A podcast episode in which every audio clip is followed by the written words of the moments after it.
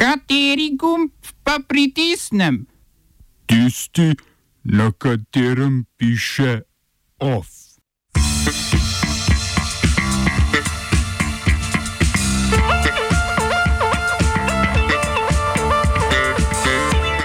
Švicari na referendumu potrdili sporazum z Evropsko unijo o prostem pretoku ljudi. Ameriški predsednik Donald Trump nominiral sodnico Amy Coney Barrett za članico vrhovnega sodišča.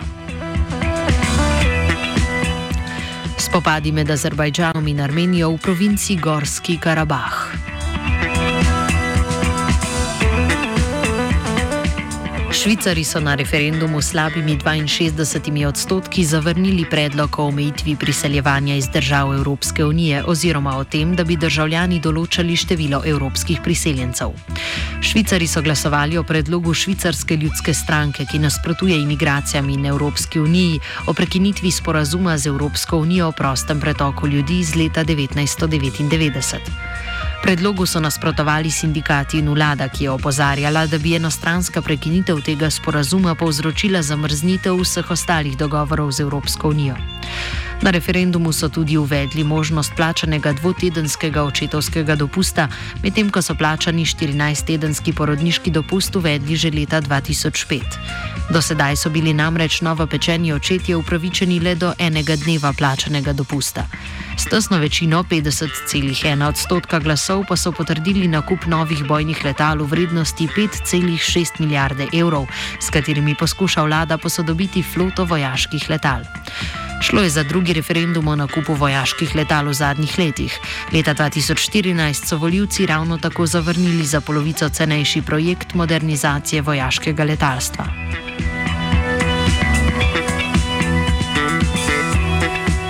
Pogajanja med Sudanom in Združenimi državami Amerike o sudanskem priznanju Izraela so se končala, za zdaj neuspešno.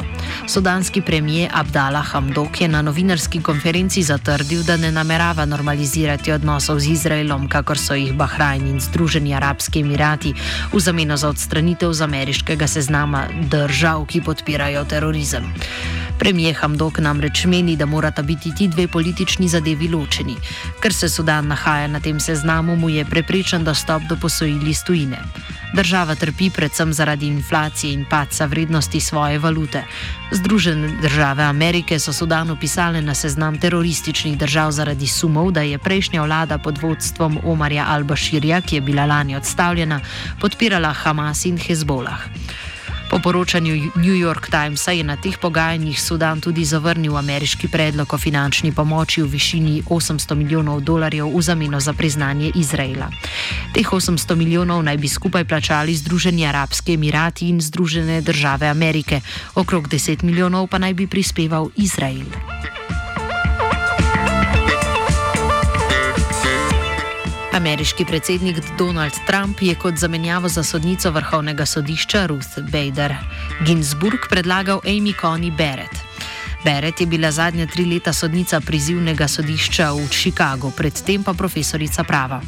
Na sodišču je konsistentno odločala v skladu s konzervativnimi stališči glede splava, Obamovega zdravstvenega zakona, svobode veroizpovedi in migranske zakonodaje. Med drugim nasprotuje pravici do splava in homoseksualnim porokam, ki jih je v ZDA pred petimi leti omogočila prav odločitev vrhovnega sodišča. Republikanci, ki imajo večino v senatu, so že napovedali, da imajo potrebno število glasov za njeno potrditev, kar nameravajo izvesti pred novemberskimi volitvami.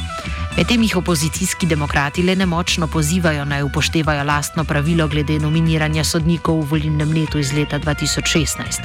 Takrat so republikanci ovirali postopek nominacije kandidata, ki ga je predlagal predsednik Barack Obama, Merika Garlanda, na podlagi nove republikanske ideje, da se vrhovnega sodnika v volilnem letu ne imenuje oziroma da ga imenuje šele novo izvoljen senat.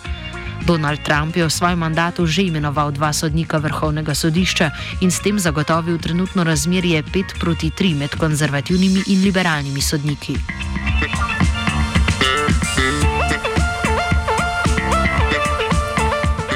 York Times je objavil članek o davčnih poročilih, ki jih je Donald Trump zadnji dve desetletji pošiljal davčni upravi, a jih leta 2016 ni razkril javnosti, kot je običajno in kot je, kot je storil vsak prejšnji predsedniški kandidat. Poročila kažejo, da je v preteklosti plačal nično ali pa zelo majhno dohodnino. V letu 2016-2017 je naprimer plačal 640 evrov. Tako majhno dohodnino je plačeval, ker, tako je vsaj zatrdil davčni upravi, so njegova podjetja izgubila ogromno denarja. Ameriški predsednik ima 360 milijonov evrov dolga, poleg tega pa davčna uprava preizkuje, ali je bila 62,5 milijonov evrov vredna davčna olajšava upravičena. Če bo preiskava pokazala, da ni bila, bo upravi dolžan več kot 85 milijonov evrov.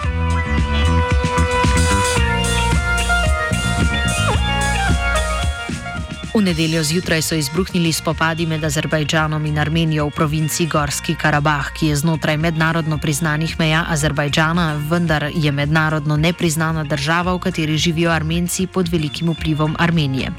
Njen status sproža občasne spore vse od leta 1994, ko sta državi dosegli premirje in trenutno ureditev v provinci. Armenija je Azerbajdžan obtožila napadov na civiliste in prestolnico Gorskega Karabaha Stepanejkrt. Azerbajdžan pa Armenijo obmejnih napadov. Podobno se državi obtožujeta že od prekinitve spopadov leta 1994, vendar gre tokrat za najhujše spopade od aprila 2016, ko je umrlo več kot 200 ljudi.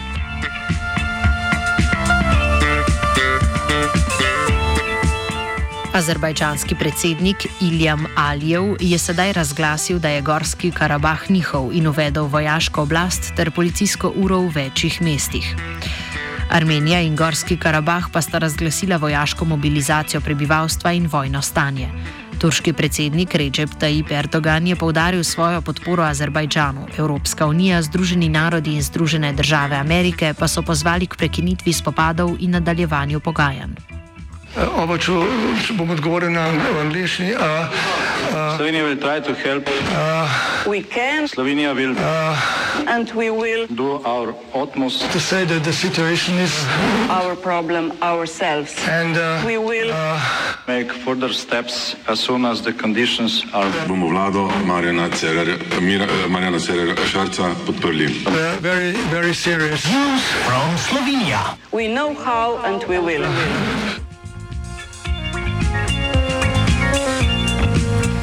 Slovenska vlada je sprejela spremembe pravil glede prehajanja mej. Seznam zelenih in rdečih držav je prilagodila evropskim višjim standardom, kar je posledično zmanjšalo število zelenih držav. Brez odrejene karantene je vstop v Slovenijo med drugim mogoč z Cipra, Polske, Finske, iz Latvije in Srbije.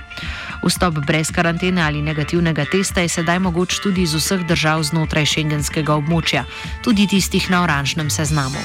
Še vedno pa potrebujejo odločbo vsi državljani držav zunaj EU, ki so na oranžnem seznamu in vsi prebivalci iz držav na rdečem seznamu.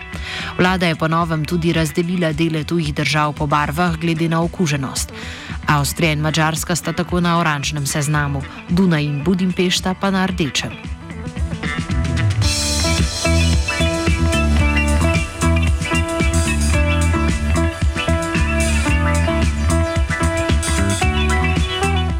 Off je napisala Geja.